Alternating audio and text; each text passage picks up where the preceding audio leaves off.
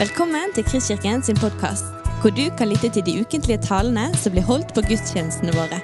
Vi håper denne podkasten vil inspirere og utfordre deg til å kjenne Gud, elske mennesker og tjene vår verden. Og jeg begynner med å si det, sant, at Et av høstens minne, liksom mest minneverdige øyeblikk herfra i, Kristkirken var på en eh, gudstjeneste i november. Da de nybakte foreldrene Jan David og Hanna kom fram her på en gudstjeneste og gjenskapte det ikoniske øyeblikket fra filmen 'Lion King'. Idet de synkronisert med filmmusikken løftet fram for fellesskapet Aksel, deres førstefødte, til salens ville jubel og applaus. Um, noen prosent av uh, salens glød og uh, entusiasme må nok tilskrives uh, påfunnet. Men det var òg en ektefølt feiring av dette lille nurket, som for øvrig er bak i salen her akkurat nå. og som selvsagt sjøl ikke fikk med seg noe av dette opptrinnet, men som like fullt ble jublet for da, av dette fellesskapet her. Dere få ting om eh, noe eh, inngir mer glede i en storfamilie enn nytt liv. En storfamilie som eh, stopper helt opp med tilførsel av nytt liv, vil i mange tilfeller ende opp med usunne mønstre. I så måte er det kjernesunt for eh, en slekt og en familie med nytt liv. Det gjør noe med blikket, med fokuset, med perspektivet. Den ene etter den andre av oss fremviser plutselig helt andre og nye sider ved oss sjøl. En uselviskhet. Det handler ikke lenger bare eh, om oss som har vært her lenge. Det handler nå om eh, andre, om flere, om nytt liv.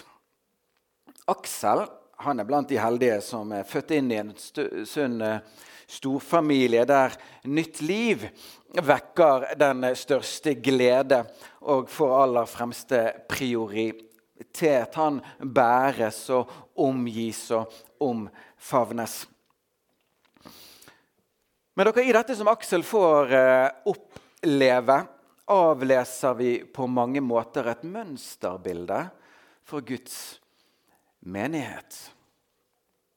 Der få ting gir mer glede enn nytt liv, og få ting har høyere prioritet. Jesus sier at det er én ting som får himmelens engler til å glede seg på en eh, spesiell måte, og det er når en synder venner seg til Gud. Og enda et menneske får bli Guds barn. Eller skal vi si født på ny? Det gir en spesiell glede, for det er dette det dypest sett handler om å siktes mot for Gud og hans engler. Det var dette Jesus kom for, det var dette Jesus led tålmodig for. Kristkirken har i all sin tid vært misjonalt rettet fokusert, orientert. Men vi kommer ikke unna at vi i stor grad ser folk vokse i troen i dette fellesskapet. Men i ganske mye mindre grad ser vi folk komme til troen. Noe av dette er jo helt naturlig. Vi er per definisjon et fellesskap av troende. Men som storfamilie da, så opplever vi noe litt for sjeldent at folk blir født på ny. Det fine er at eh, slik det har vært, trenger det ikke alltid forbli. Vi begynner i dag på en taleserie som vi har kalt 'Sammen om å nå ut'. Med bønn om at vi som fellesskap kan få vokse og utvikles på dette feltet, slik at vi i enda større grad kan få være en utadvendt familie. I det siste så har jeg hatt gleden av å eh, dykke godt og grundig i apostles gjerninger. Jeg hadde bl.a. en tale om eh, boken på bibelkveld for eh, ti dager siden. Et kjennetegn ved denne boken er at den har en del eh, vakre, stilige mønstre. Strukturer i seg som ved første øyekast kanskje ikke er så lett å få øye på. Men får du liksom sunket litt ned, så ser du det. Et sånt mønster er velkjent. Vi uthenter det fra dette kjente utsagnet til Jesus i Apostles gjerninger 1,8. Dere skal få kraft idet Den hellige ånd kommer over dere. Dere skal være mine vitner i Jerusalem, Judea, Samaria og like til jordens ender.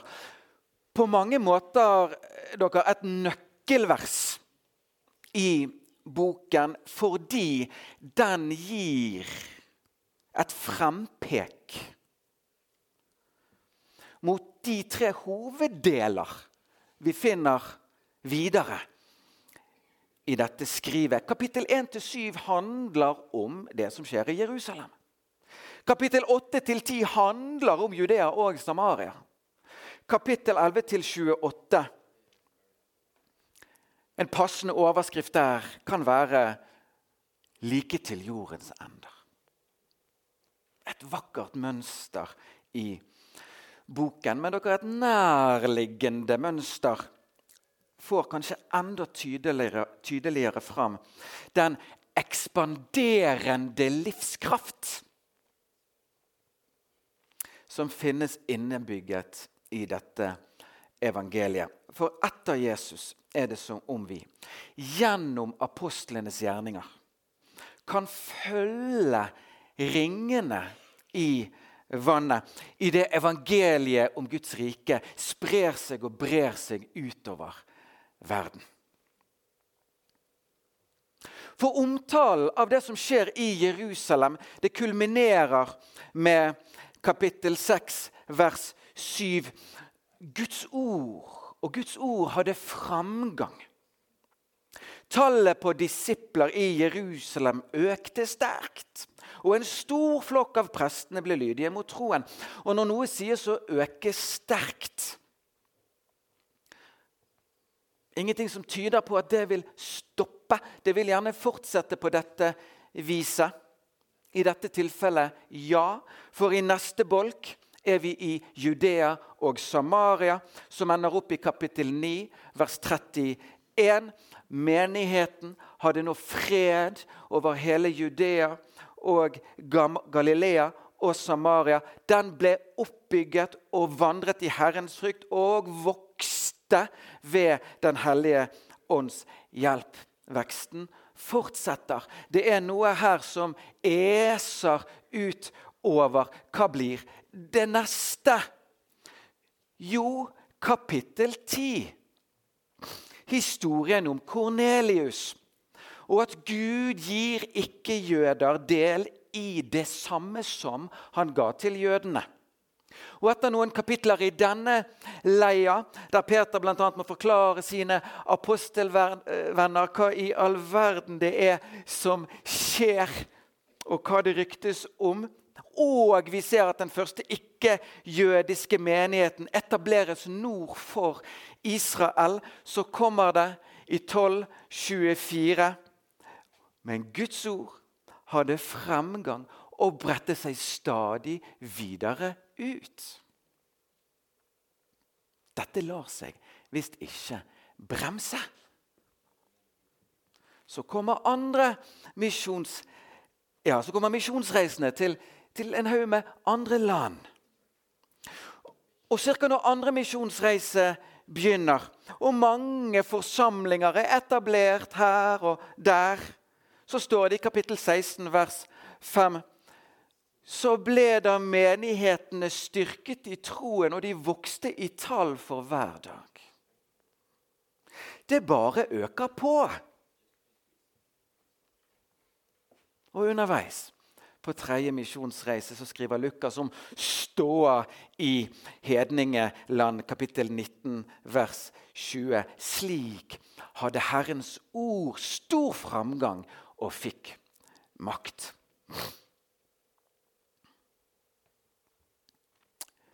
Ser dere ringen i vannet?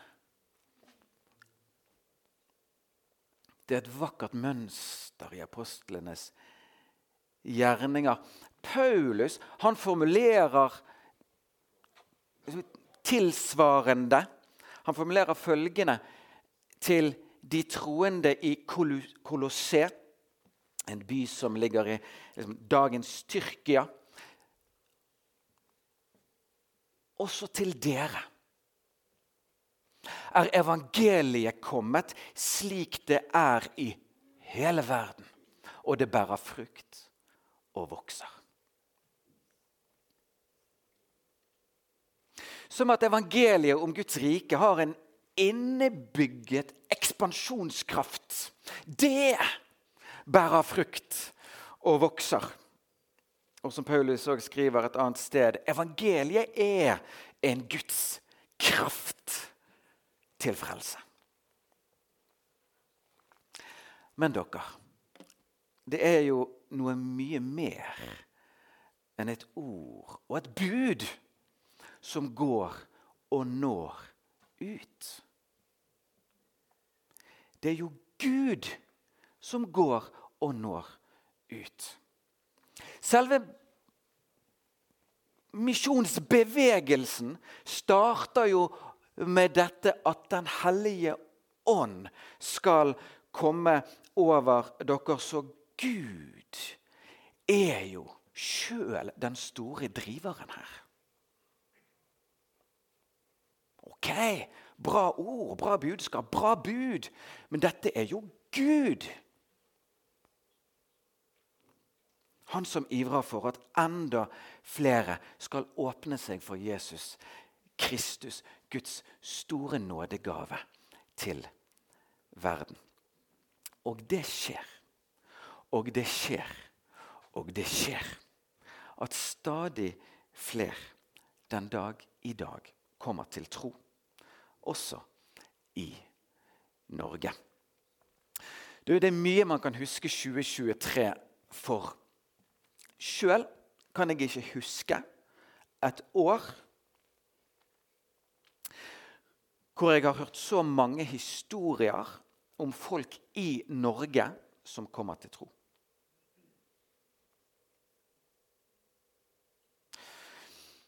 På en nettverkssamling med IMI i Stavanger i høst så ble en av kveldene der avsatt til vitnesbyrd. Én overskrift Hva gjør Gud? Bare del. Hva gjør Gud hos dere, hos dere, hos dere? hos dere? Mange sammenhenger samlet. IMI-pastor Egil Elling Ellingsen avrunder kvelden med å si at det vi hører her i kveld, det er at vi er i en tid der mange i Norge kommer til tro.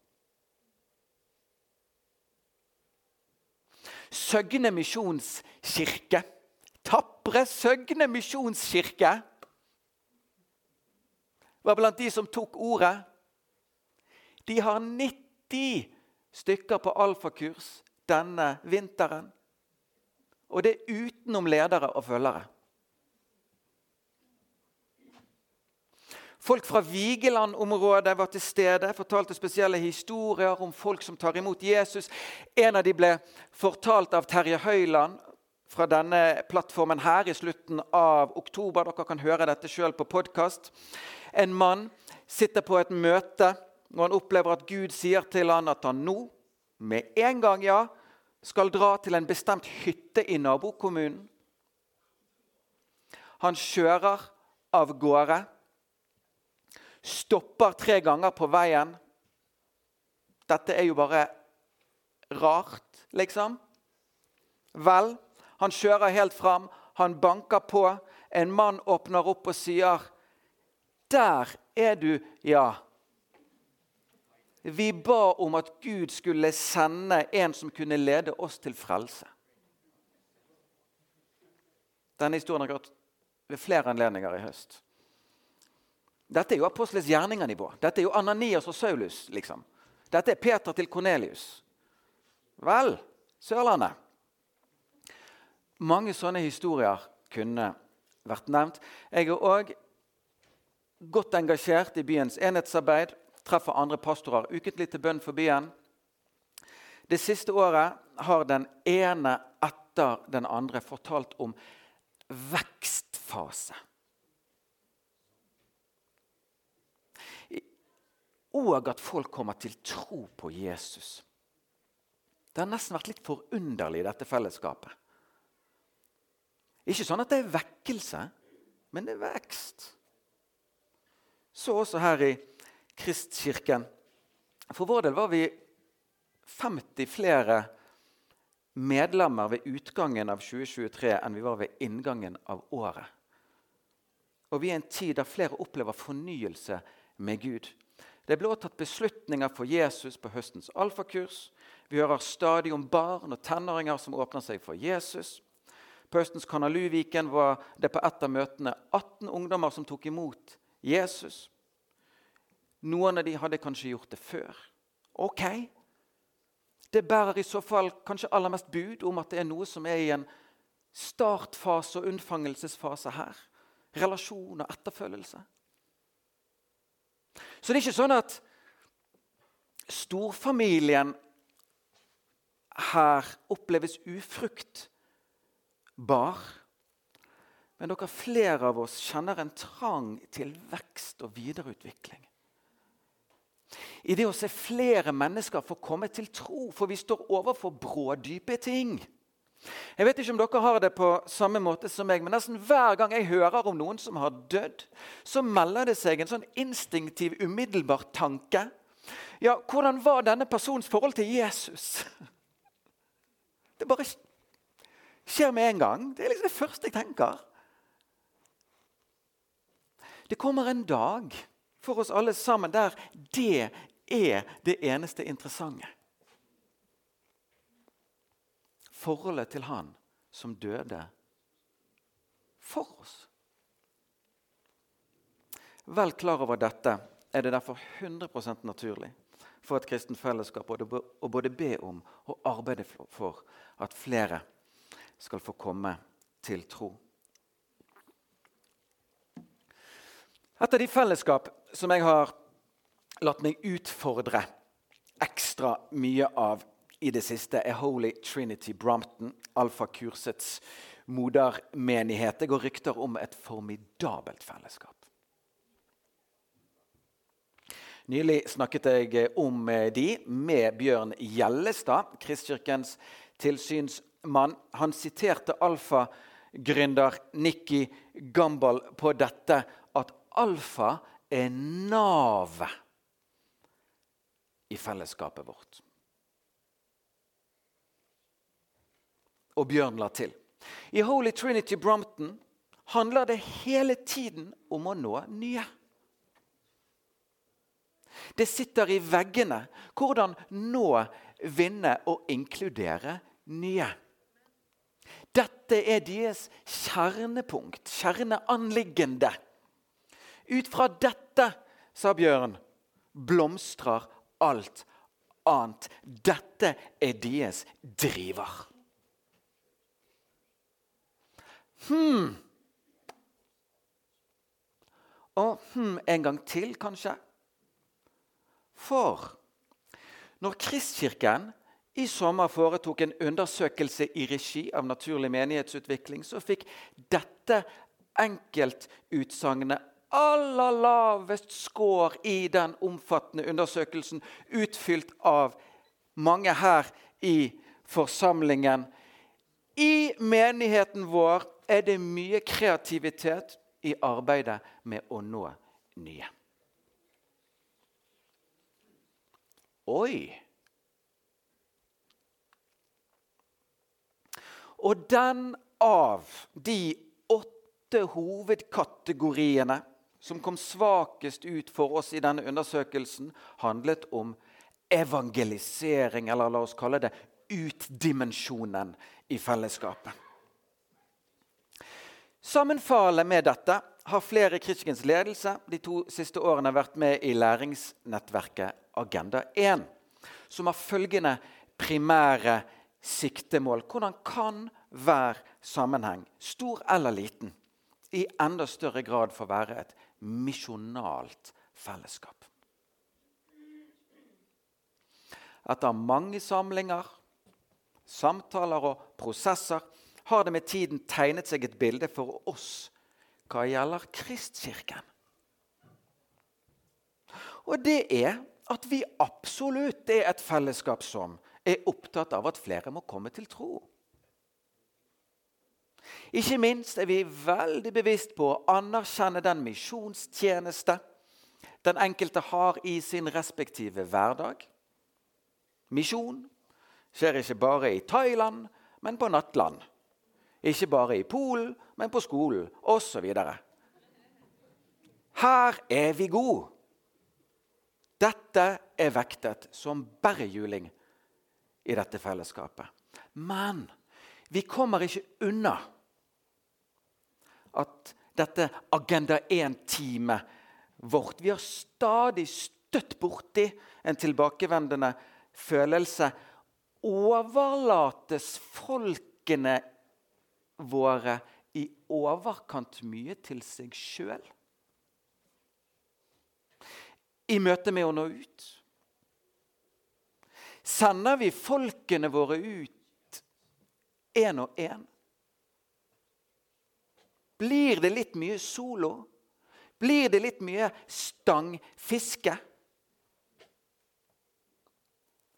Heier deg der du er i din hverdag?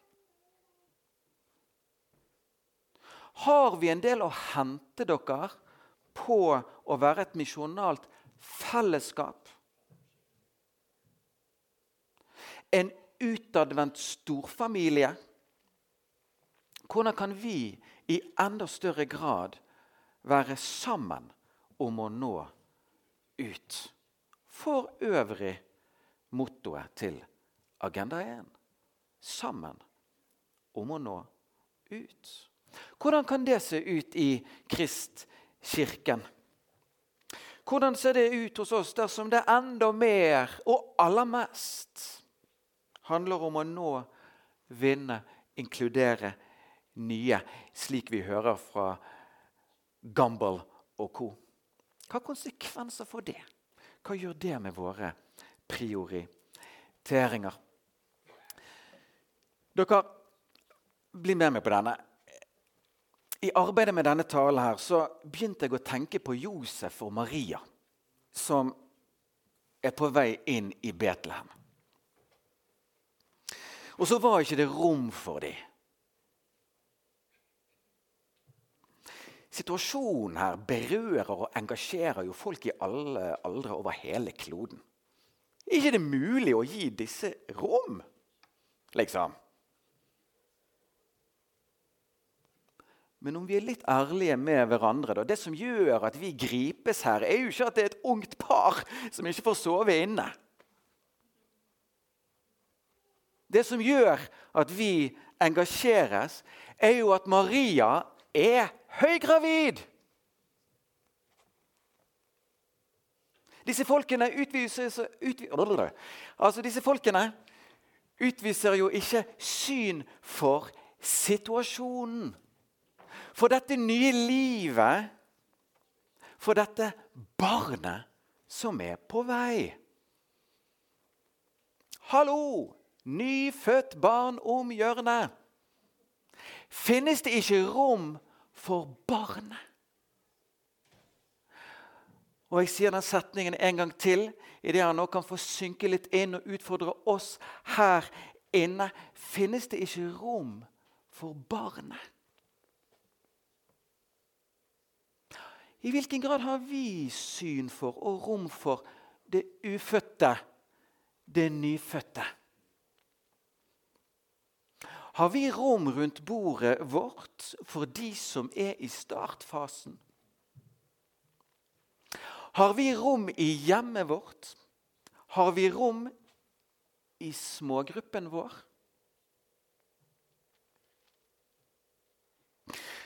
Om vi tar dette ned og òg har julefortellingen i bakhodet, så snakker vi gjerne om noe så enkelt og så fint som gjestfrihet.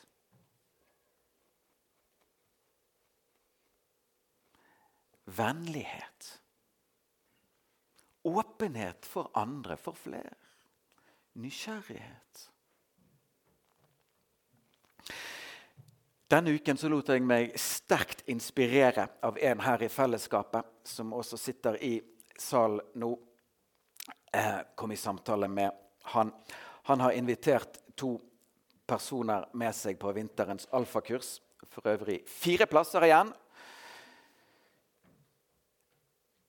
Men han sier at den ene av disse to har ikke bil og må av ulike grunner hentes der han bor. Han bor et godt stykke unna, og vår venn sa derfor at det ligger an til å bli mye kjøring disse kveldene. Men dette var en liten pris å betale om den andre kunne få øye på hvilken pris Jesus hadde betalt for han. Og så la vår venn til Alfa er òg bra for meg for jeg synes ikke alltid det er så lett å finne ordene når jeg skal fortelle andre om Jesus. Men alfa hjelper meg med språket.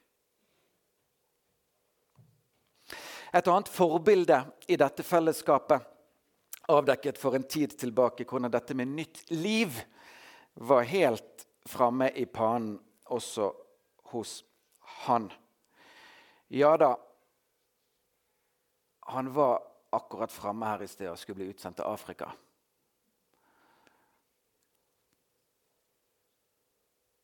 Men dere med barn i samme alder satt Jon Reidar og jeg på søndagsskolen sammen under en gudstjeneste. Jeg sa noe til om han om at eh, ja, eh, det er jo fint eh, her òg, selv om ikke vi får med oss det som skjer i salen. Og så sa han noe som brant seg fast i meg. Jeg går nok glipp av en del ting, men det går bra. Mitt valg om å følge Jesus ligger bak meg. Mine barn har dette valget foran seg. Så for han var ikke søndagsskolen bare saft, kjeks og voksendrøs. Det handler om å bli født på ny. Og Jeg kunne ramset opp ulike forbilder i dette fellesskapet som med overgivelse og uselviskhet på ulike arenaer ivrer for nytt liv. Og Måten misjon kan gi seg utslag på, varierer som kjent veldig. Også her kunne vi ramset opp. Uttrykkene er mange. Men inspireres dere skikkelig av å høre om den ånd, holdning, kultur vi hører fra Holy Trinity Brompton. Hvordan nå vinne, inkludere nye. Dette som et kjerneanliggende. En felles pasjon i forsamlingen. Og det samstemmer sånn med den Gud som startet alt sammen, og med den Gud vi elsker, han som vil at alle mennesker skal bli frelst. Og jeg vil legge til en interessant ting i denne leia her. Litt kanskje preget av at vi har barn på fire, syv og åtte år. Men OK. Om jeg igjen får dra parallell til storfamilien Det er noe med dette feltet her og fokuset her for Har dere merket dette, at små barn blir store barn i møte med nyfødte barn?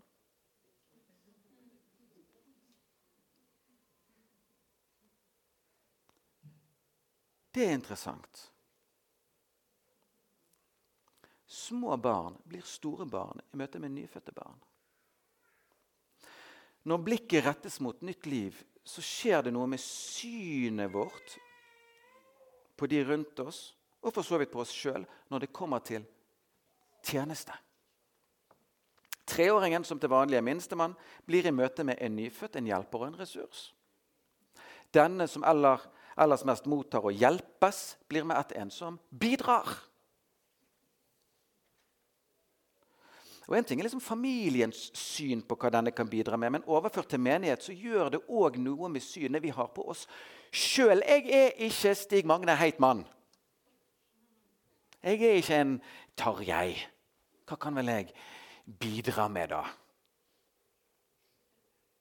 Men i det vi aller mest er sammen om det ufødte, det nyfødte, så blir vi alle hjelpere og ressurser. Ok, la oss ta dette inn for landing. skjer mye bra. Det er mye å takke for. Det er mange å takke for. Men som Paulus også skriver til de troende i Tessalonika, så er det noe med å bli enda rikere på felt man allerede har inntatt noe av. Og De av dere som gjorde NAMU-undersøkelsen, gitt et tydelig signal. Vi er ikke særlig fremme i skoen når det gjelder å nå nye her. I Agenda 1 utfordres vi til stadighet på at det er mye som tyder på at folket i Kristkirken i litt for stor grad blir gående stående på egen hånd i møte med å nå nye. Og Sist, men ikke minst, så har vi å gjøre med en Gud som med sin iver driver oss til fokus på dette. Så hva gjør vi konkret? Om dette er det veldig mye å si. Dette budskapet her håper jeg kan få gjelde ikke bare fra i dag, men over tid. Men en av tingene er å få høre Guds ord om saken og lytte til andre og tillate oss som fellesskap å bli strukket og utfordret. Så de neste fem søndagene blir overskriften 'Sammen om å nå ut'. Vi får da besøk av Øyvind Augland, Andreas Nordli og Jens Thoresen, som alle vet et og annet om misjonale fellesskap. Også Alexander herfra vil dele fra sin erfaring, bl.a. fra Molde. Og Disse har fått stor frihet, men det er én ting de er bedt eksplisitt om, og det er at det blir en betoning av de mindre fellesskapenes verdi. For sannheten er at når livet skal leves, så vil det være begrenset hvor mye dette søndagsfellesskapet kan stille opp for og med den enkelte. La oss være ærlige.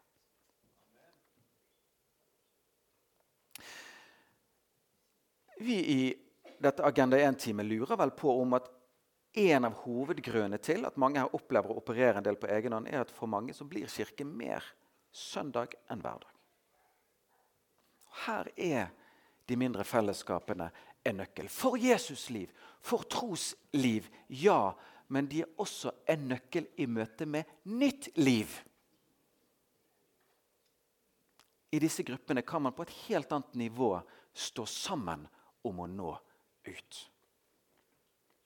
For noen vil det være en pris å betale å åpne gruppen sin, eller skal vi si herberget.